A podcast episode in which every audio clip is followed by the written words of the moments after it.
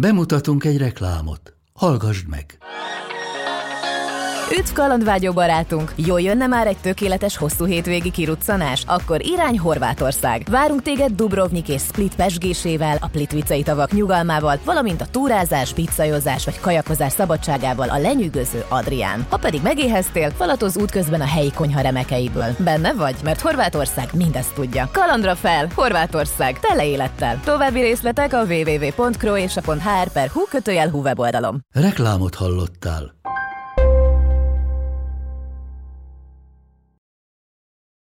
1994. január 24-én hajnali 5 órakor hiába várták alkalmazottai a szegedi cukrászmestert, Zénagy Bálintot a reggeli munkakezdésnél.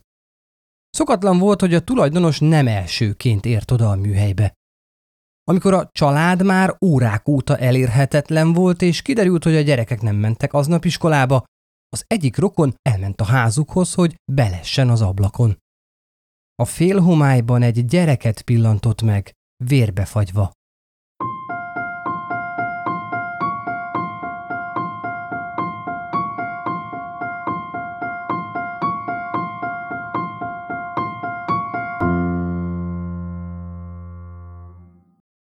Sziasztok! Szatmári Péter vagyok, és ez itt a Bűntények Podcast legújabb epizódja. A mai részben a 90-es évek legbrutálisabb családírtásával foglalkozunk majd, amelyek kapcsolatban még mindig rengeteg a megválaszolatlan kérdés. Tartsatok velem! Biztos vagyok benne, hogy nincs olyan szegedi vagy Szeged környéki lakos, aki ne evett volna már életében legalább egyszer a Zénat család süteményeiből. A belvárosi cukrászdában évtizedek óta egymásnak adják a kilincset az emberek. A cukrász dinasztia nem csupán utánozhatatlan pékárúiról és díjnyertes fagylajtjairól híres, hanem példamutató szorgalmáról is. Ám sajnos 1994-ben nevük összefort egy brutális gyilkossággal.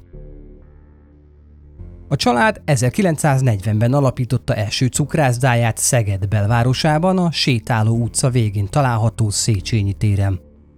Az üzlet nagyon jól ment, egészen addig még 1951-ben államosították. Zénagyéktól elvették a kis üzletet, ők pedig két gyermekükkel, Bálintal és Rózsával ott maradtak munkanélkül. Hála azonban szorgalmuknak három évvel később, 1954-ben megnyitották újabb cukrászdájukat a József Attila sugárúton, ahol azóta is töretlenül üzemel. Miután a szülők kiöregedtek a munkából, a két gyerek vette át a boltot.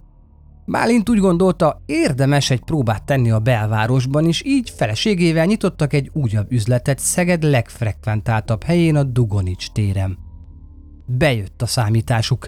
A hely rövid időn belül a város legfelkapottabb cukrászdája lett. Minden helyi ott kezdte a napját egy kiváló kávéval és egy messze földön híres szegedi kiflivel – Sorra tértek be a színészek, ügyvédek, orvosok. A hely igazi békebeli kávézó hangulatát árasztotta, a sütemények pedig felejthetetlenek voltak. Az üzlet virágzott, ám a dicsőség nem szállt a tulajdonosok fejébe. Bálint minden reggel 5 órakor megjelent a műhelyben, hogy elindítsa az aznapi munkát. Nem volt ritka, hogy ő maga is beállt, hogy elkészítsen egy-egy ikonikus süteményt. A recepteket még az édesapjától tanulta. A városban mindenki ismerte és szerette a családot. Hiába voltak tehetősek, mindenki tudta, hogy becsületes munkából élnek. Javaikkal sosem kérkedtek, ami miatt szimpatizáltak velük. Tudni kell ugyanis, hogy abban az időben, a 90-es évek közepén több magyarországi nagyvárosban, így Szegeden is virágzott a szervezett bűnözés. A szomszédban dúló jugoszláv háború miatt sok nehéz fiú gondolta úgy, hogy átteszi székhelyét a Tiszaparti városba. Nem voltak ritkák a seftelések, a kétes üzletek, a csempészés, melyek során sorra gazdagodtak meg az üzletemberek. Zénagy Bálint és családja nem tartozott közéjük, és ezt mindenki tudta. A családfő igyekezett magát távol tartani az alvilági köröktől, mindennél fontosabbnak tartotta a becsületet és a tisztességes munkát. A sors tragikus fintora, hogy ezt a mentalitást már nem adhatta tovább gyermekeinek. 1994. január 24-én reggel hiába várták főnöküket a belvárosi cukrászda dolgozói. Nem volt mit tenni, el kellett kezdeni a sütemények készítését nélküle. Ahogy telt múlt az idő és folyt a munka, egyre bajósabbá vált a légkör a kis műhelyben. Folyamatosan tárcsázták a család otthonát, de a telefont senki sem vette fel. Hamarosan kinyitott a cukrászda, és beléptek az első vendégek. Nem kellett sok időnek eltelnie, míg valaki rá nem kérdezett, hogy hol van a tulajdonos, aki szinte minden reggel a pult mögül köszöntötte a betérőket. Az alkalmazottak elmondták, hogy aznap még nem látták Bálintot. Abban reménykedtek, hogy csak valami betegség gyűrte le a lábáról. Az órák pörögtek, de a család nem jelentkezett. Délután jött a hír, hogy a feleségét sem látta senki aznap, és a fiúk sem voltak iskolában. Ez már végtelenül szokatlan volt. A család egyik rokona is furcsálta, hogy nem éri el őket, és mozgást sem látott egész nap a házuk körül. Úgy döntött, megvárja az este 8 órát, és ha addig sem történik semmi, jelenti a rendőrségem. Eljött az este, és még mindig nem volt semmi hír Zénagyékról. Betelefonált hát az ősre, akik kiküldtek egy járőrt a helyszínre. A ház előtt ott várakozott már a rokon és az egyik szomszéd is, akinek szintén feltűnt, hogy szokatlanul nagy a csend a ház körül. A két férfi épp azon tanakodott, hogy be kellene nézni az ablakon, hát ha látnak valamit. A rokona járőr jelenlétében egy létrán felmászott az egyik első emeleti ablakhoz, betörte azt és benézett. De nem volt felkészülve arra, amit látott. Mégpedig az egyik gyereket az ágyában feküdni, egy óriási vértócsában, ami átáztatta az ágyneműjét. A további holtesteket az azonnal riasztott és hatalmas erőkkel a helyszínre érkező nyomozók találták meg. A rendőrség hamarosan megállapította, hogy a 42 éves Zénagy Bálintot, vele egykorú feleségét Zénagy Dunai Gizellát, valamint 17 éves Dániel és 10 éves Balázs fiúkat álmukban brutálisan kivégezték. A nyomozást Kószó Zoltán rendőr alezredes vezette, aki így emlékezett vissza arra az estére. Január 24-én este 10 óra lehetett, amikor értesítettek a kollégáim, úgy néz ki végeztek Zénagy Bálint cukrásszal, és az egész családjával. Ahogy a csapat összeállt, kollégáimmal gyorsan kocsiba vágtuk magunkat és robogtunk a házhoz, amit már hatalmas csődület vett körül.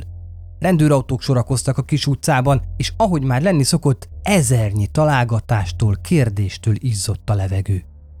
A rendőrök zárt kertkapuval és bejárati ajtóval találták szemben magukat, melyek kinyitásához lakatos szakembert kellett hívniuk. Amint kinyílt az ajtó, a nyomozók beléptek a félhomályban úszó házba. Bent síri csend honolt, és senki sem bírt megszólalni. Útjuk a lépcsőhöz vezetett, majd fel az első emeletre, ahol a hálószobák voltak. Felérve az egyik szobában a nagyobbik fiú holttestét fedezték fel, ahogyan saját ágyában feküdt. Körülötte is csupa vér volt minden. Ugyanígy megtalálták a szülőket is a legnagyobb szobában, az ebből a helyiségből nyíló gyerekszobában a legkisebb családtag feküdt, holtan, vérbefagyva. Őt látták meg a betört ablakból. A rendőröket elborzasztotta a négy test látványa. Egyértelmű volt, hogy valaki vagy valakik álmukban végeztek zénagyékkal, mégpedig, mint ahogy az a később kiderült, egy skorpió típusú géppisztolyjal. A sérüléseket olvasva esélyük sem volt a túlélésre. Részlet a vádiratból. Zénagy Bálintot a fején egy rendbeli lövés érte. A lövedék a baloldali külső szemzú alatt, a baloldali csontos szemüreg alatt, a koponya alapon és az agyalapon haladt át, és a nyakszírti lebenyen hagyta el a sértett fejét. A bekövetkezett agybénulás, agyroncsolódás pillanatszerű halálhoz vezetett. Z. Nagy Bálintné három lövési sérülést szenvedett, halálát az agy életfontos centrumain áthaladó lőtt sérülés okozta. Zénagy Dániát összesen négy lövés érte, ezek közül három a fején. Halálát többszöri lövési sérüléshez társult agyzúzódás, többszörös koponyatörés és a hozzátársult vérbelehelés okozta. Szénagy Balázs is fejlövést szenvedett. Halálát az agyvérzéses zúzódása, valamint a lövési sérüléshez társult a koponya tető, koponya alpi törése eredményezte. Szinte azonnal a helyszínre érkezett Kaciba Antal tábornok bűnügyi főigazgató, Tonhauser László ezredes a szervezet bűnözés elleni szolgált vezetője, valamint Kovács Lajos alezredes az ORFK életvédelmi osztályának vezetője. A nyomozást irányító rendőrtiszt azonnal felállított úgynevezett ellenőrző áteresztő pontokat. Rendőrök szállták meg a városból ki- és bevezető, sőt a közeli települések főbb útjait is, de géppisztolyos zsaruk cirkáltak kedden a Volán, illetve a MÁV pályaudvarokon is. Jóformán hermetikusan lezárták Szegedet és környékét. Az, hogy pontosan kit vagy mit kerestek, nem derült ki. A család kiirtása sokkolta a rokonokat, barátokat, egész Szegedet, sőt az egész országot. Senkinek ötletesen volt arról, kiállhatott a brutális kivégzés mögött. A családfő köztiszteletben álló iparos volt, és senki sem tudott olyan kétes alvilági kapcsolatáról, ami megmagyarázhatta volna a kegyetlen kivégzést. Pár tanú később megjegyezte, hogy a gyilkosság előtti hetekben kisé feszültebb volt a házas pár, mint általában, de talán ezt már csak utólag magyarázták bele. Ahogy folyt a nyomozás, egyre több kétségbejtő kérdés merült fel. A legégetőbb az volt, hogy miért nem szólt a riasztórendszer, amit korábban telepítettek az ingatlanba. És a kutya? A családnak volt egy köztudottan vérszomjas bullmastiff kutyája Aramis, aki sajnos nem kelhetett gazdái védelmére, mert valamivel elkábították. A nyomozás legelején ezekre a kérdésekre keresték a választ a rendőrök, ám az már hamar egyértelművé vált, hogy nagyon nehéz dolguk lesz, mivel semmilyen nyomot sem tudtak rögzíteni. Az ORFK 5 millió forint jutalmat ajánlott fel a nyomra vezetőnek, hát ha ezzel is segítik az ügy megoldását. De senki sem tudott lényeges információkkal szolgálni. Legtöbben csak találgattak és tippeltek. Az emeletes kertes házban egy héten át nyolcan kerestünk nyomokat, minden centiméterről centiméterre átvizsgálva. Elevenítette fel a helyszínelés menetét Kárándi Béla nyugdíjas alezredes. A volt helyszínelő hozzátette, hogy még mielőtt nekiálltak volna a nyomok rögzítésének, mindent lefotóztak és levideóztak. Ezt követően a tettes behatolásának helyétől kiindulva végigmentünk a lakáson, amelyben nem volt felfordulás. A rendőröknek egyértelmű volt, hogy a tettes egy a földszinten lévő kisablakon jutott be. Ugyanakkor sajnálattal vettük tudomásul azt is, hogy a gyilkos cipőjének nyomát nem tudtuk rögzíteni, jegyezte meg Kárándi Béla. Mivel az egyik szomszéd a gyilkosság estéjén fényt látott felvillanni az emeleten található fürdőszobában, ott mindent felforgattunk. Egy elemrámpára bukkantunk, és még a benne lévő ceruza elemről is megpróbáltunk új lenyomatokat venni. Egy-két fodornál többet azonban nem tudtunk előhozni, így az semmire sem volt elég. Teljes kudarcnak éreztük, hogy nem bukkantunk nyomokra, hogy hiába csúsztunk, másztunk, semmi használhatót nem tudtunk rögzíteni. Kárendi Béla elmondta azt is, hogy az egyetlen használható bizonyíték a zénagyéknál talált töltényhüvelyek voltak. Ezek megegyeztek egy kecskeméti lakásban találtakkal. És akkor itt tennék is egy kitérőt, mert noha ez a rész a zénat gyilkosságokról szól, nem mehetünk el amellett, hogy egyazon időszakban több brutális gyilkosság is történt az alföldi régióban. Ezek nagyon hasonlóak voltak a szegedi család esetéhez, és mind egyetlen személyhez voltak köthetőek. Ez a személy pedig nem más, mint Magda Marinkó. Magda 1963. november 30-án született az akkori Jugoszlávia területén Szabadkám. Családja negyedrészt magyar származású volt.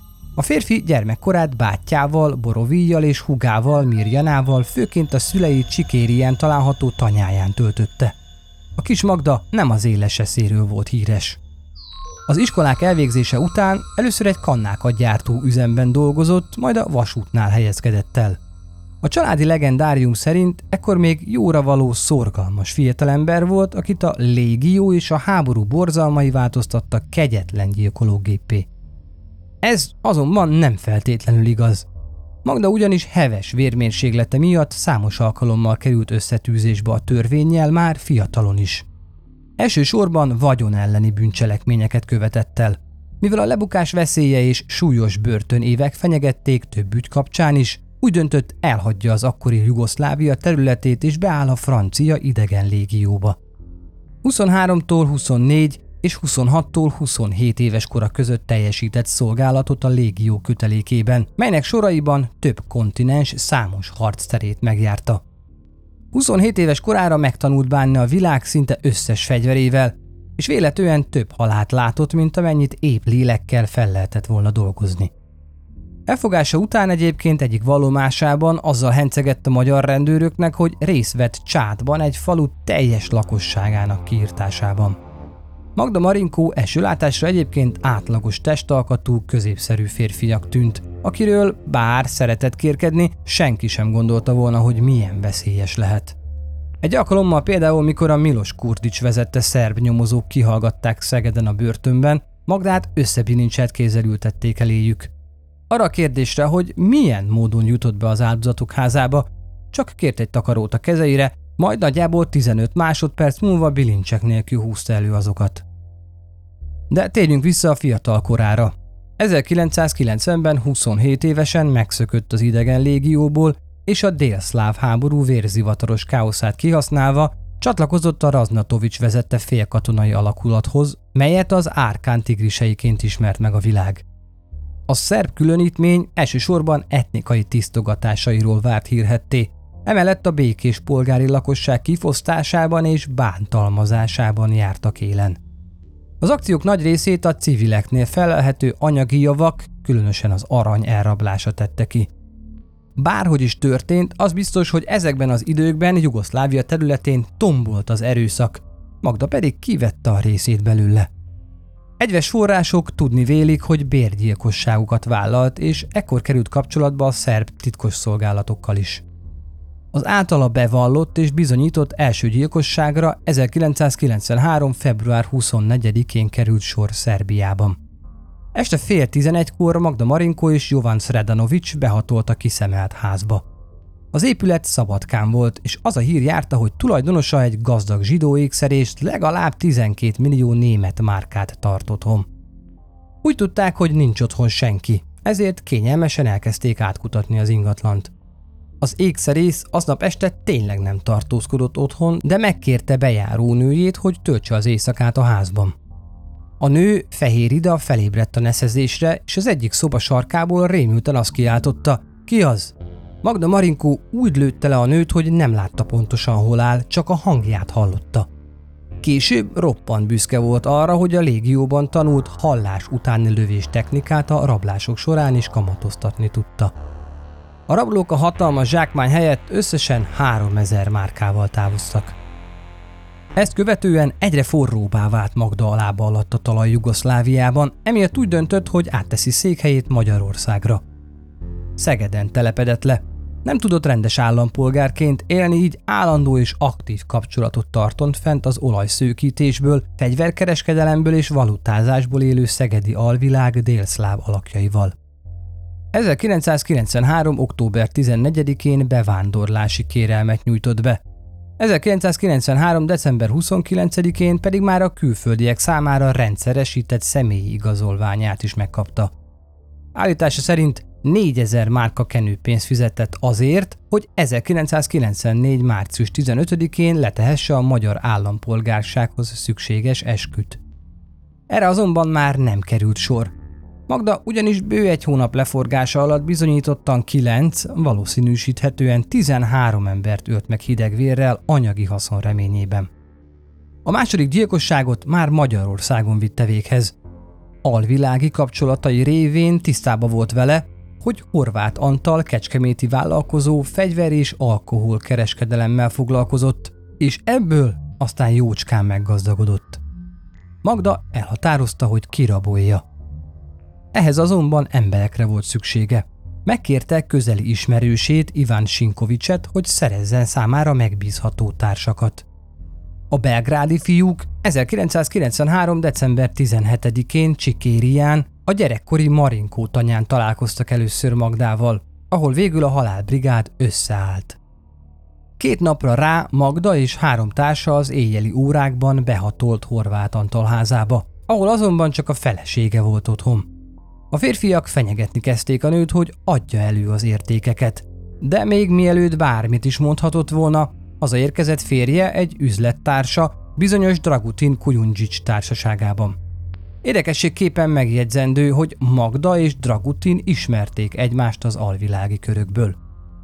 Marikó azonnal fegyverrel fenyegette a házigazdát és annak feleségét, aminek hatására Horváth Antal elmondta a rablóknak, hogy Mercedes-e kesztyű tartójában található 800 ezer forint. De többet nem tud adni. Ezt követően Magda Marinkó hangtompítós B3832-es számú Scorpio gépfegyverével öt lövéssel megőrte Horvátot, majd szintén öt lövéssel meggyilkolta az életéért könyörgő Dragutin Kujudzsicet is. Amikor a halálbrigád elhagyta a lakást, Marinkó még visszament és Horváth Antalnét is megölte. Közvetlen közelről, hat lövéssel.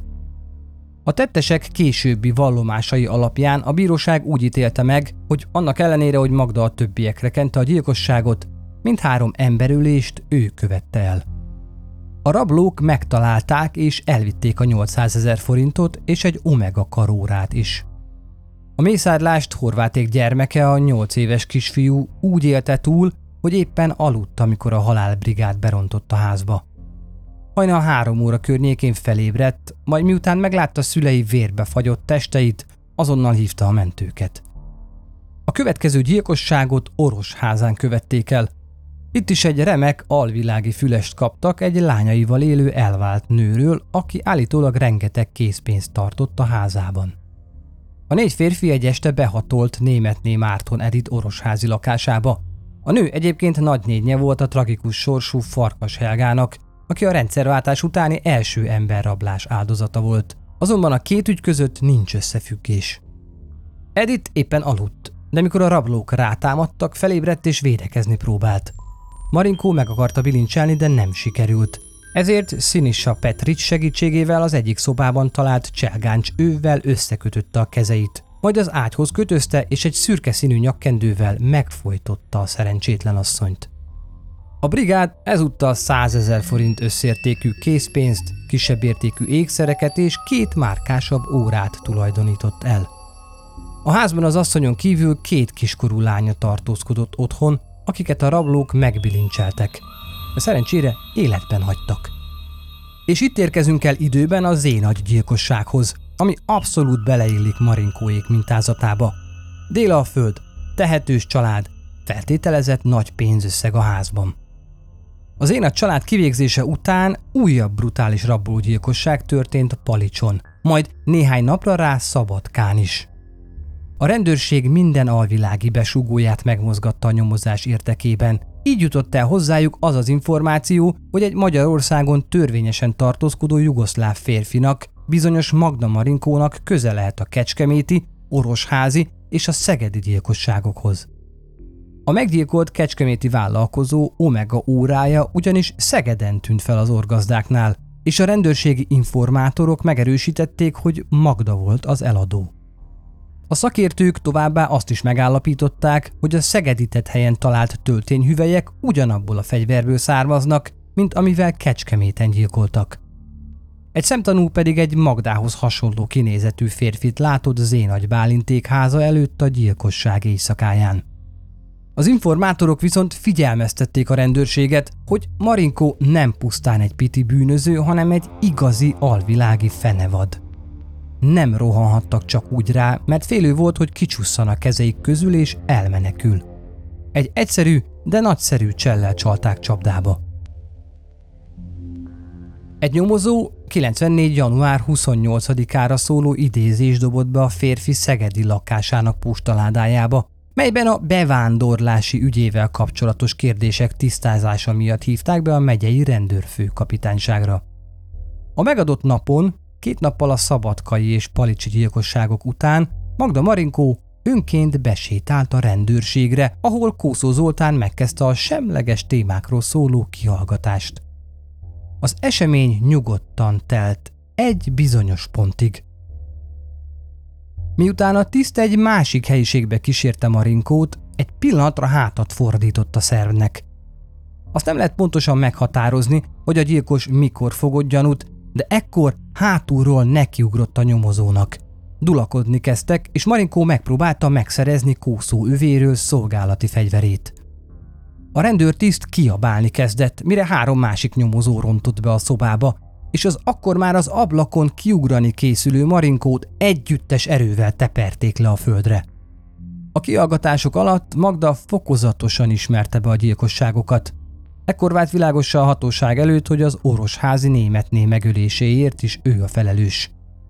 Ráadásul a szerb hatóságok kézre kerítették testtestársait is, akik közül egyébként ma már egy sincs börtönben.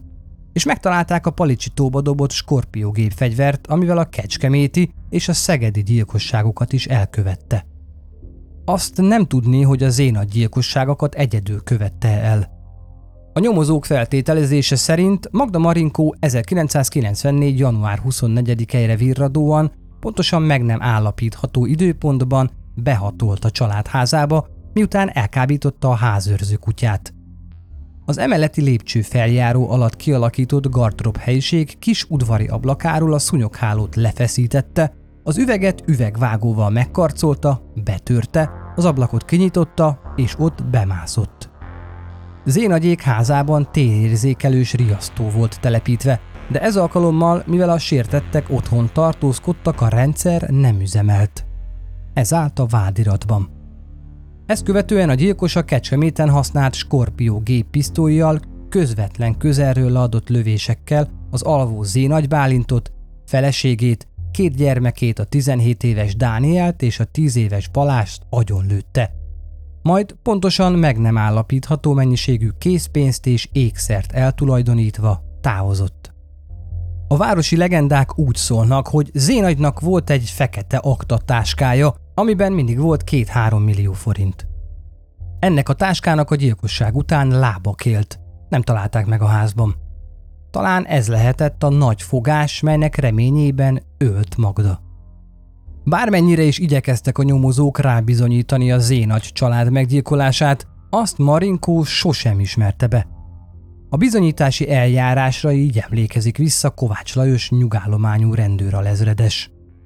Nem volt beismerő vallomásunk, nem voltak tanuk, viszont a közvetett bizonyítékok számunkra megalapozták a gyanút ellene. Ráadásul Szabadkán Petriti családot, a családfő mellett a feleségét és kisgyermeküket ugyanolyan körülmények között és módon gyilkolták meg, mint Zénagy Bálintékat. A tettes ott is az ablakon mászott be a házba, ugyanazt a fegyvert használta, ugyanúgy gyilkolt. Az ölési módszer, amit inkább nem részleteznék, Magda védjegye volt. A Szabadkán elítélt bűntársai is ellene vallottak a rendőrségen, és később a bíróságon is, mint egy alátámasztva a mi nyomozásunk eredményeit. Mondhatná erre bárki, hogy egy utánzó tette, ám ez kizárt. Ugyanis a gyilkosságok között nagyon kevés idő telt el, és számos részletet nem hoztunk nyilvánosságra. Magyarázta Kovács, amihez még hozzátette. Nem volt és azóta sincs olyan körülmény, nyom vagy valakinek a vallomása, amely azt támasztaná alá, hogy más követte el a szegedi gyilkosságokat. Magdának az az állítása, hogy ő tudja, hogy kik végeztek a szegedi cukrás családdal, de családja érdekében nem árulja el, nem igaz. Vannak olyan teóriák, miszerint azért nem vallotta magára a gyilkosságot, mert a gyerekek megölését az alvilágban is szigorúan elítélik. A bűnösnek vallja magát a teljes család kiírtásában csökkent volna a tekintélye a bűnözők körében, és a börtönben is folyamatosan veszélyben lett volna. Hogy így volt-e, talán már sosem derül ki. Annyi azonban bizonyos, hogy a kecskeméti és orosházi gyilkosságokat bevallotta, melyekért 1995-ben bűnösnek találták, nyereségvágyból, előre kitervelten, több emberen, különös kegyetlenséggel, részben társtettesi minőségben elkövetett emberölés, valamint lőfegyverrel és lőszerrel való visszaélés büntettében. Varga Zoltán bíró életfogytiglani szabadságvesztést szabott ki, ami abban az időben nem teljes életfogytiglant jelentett, hanem 25 évet. A tárgyalásnak volt egy döbbenetes mozzanata is. Mikor Magdát megkérdezték, hogy milyen büntetésre számít, így válaszolt. Csíbó a legtöbb mi adható. Ezzel a 90-es években futó népszerű kávés tévé reklámmal felelt. Mivel már 1994-ben letartóztatták, papíron büntetése 2019-ben lejárt volna. Ám mivel korábban megtámadott egy őrt, plusz 200 napot kapott bónuszban.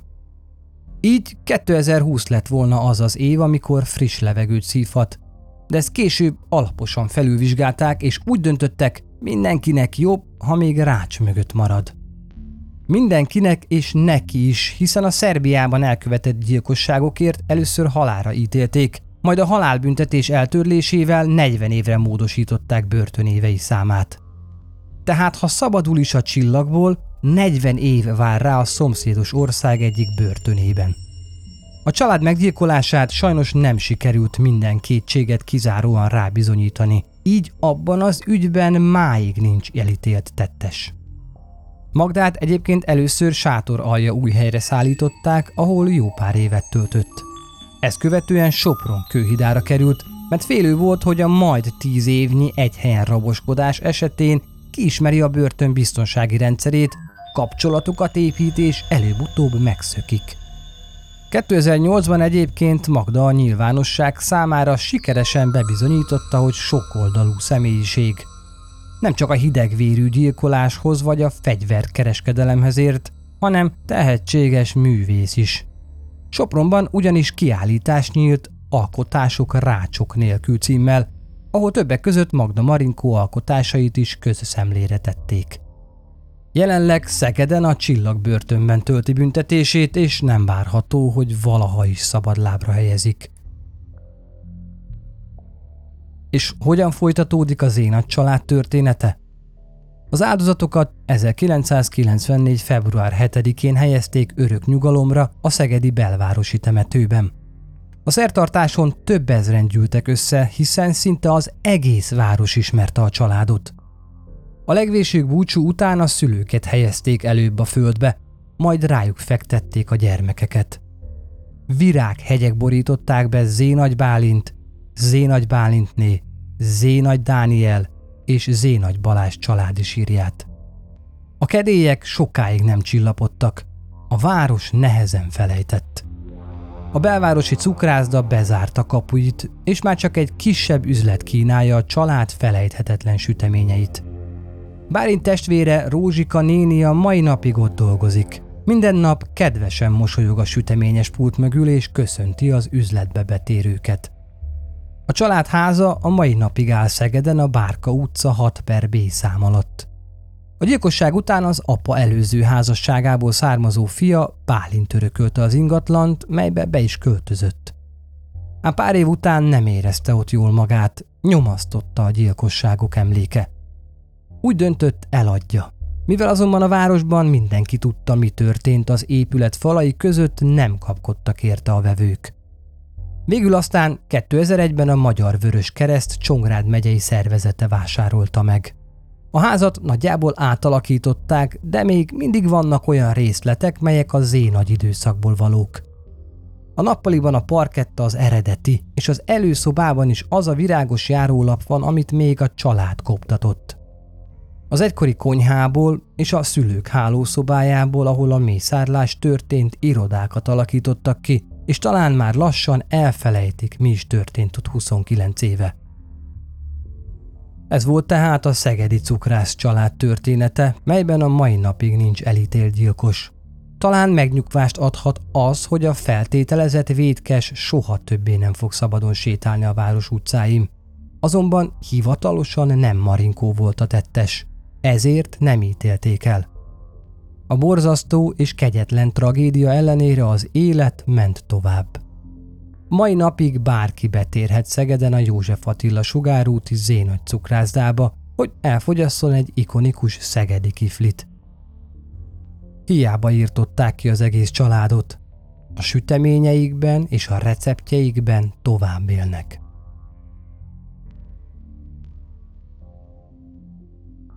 Köszönöm, hogy most is a Bűntények podcastet választottátok. A részt Szilágyi Perjesi Réka írta. Továbbra is várjuk hozzászólásaitokat a Bűntények közösségi média felületein. A következő epizódig sziasztok!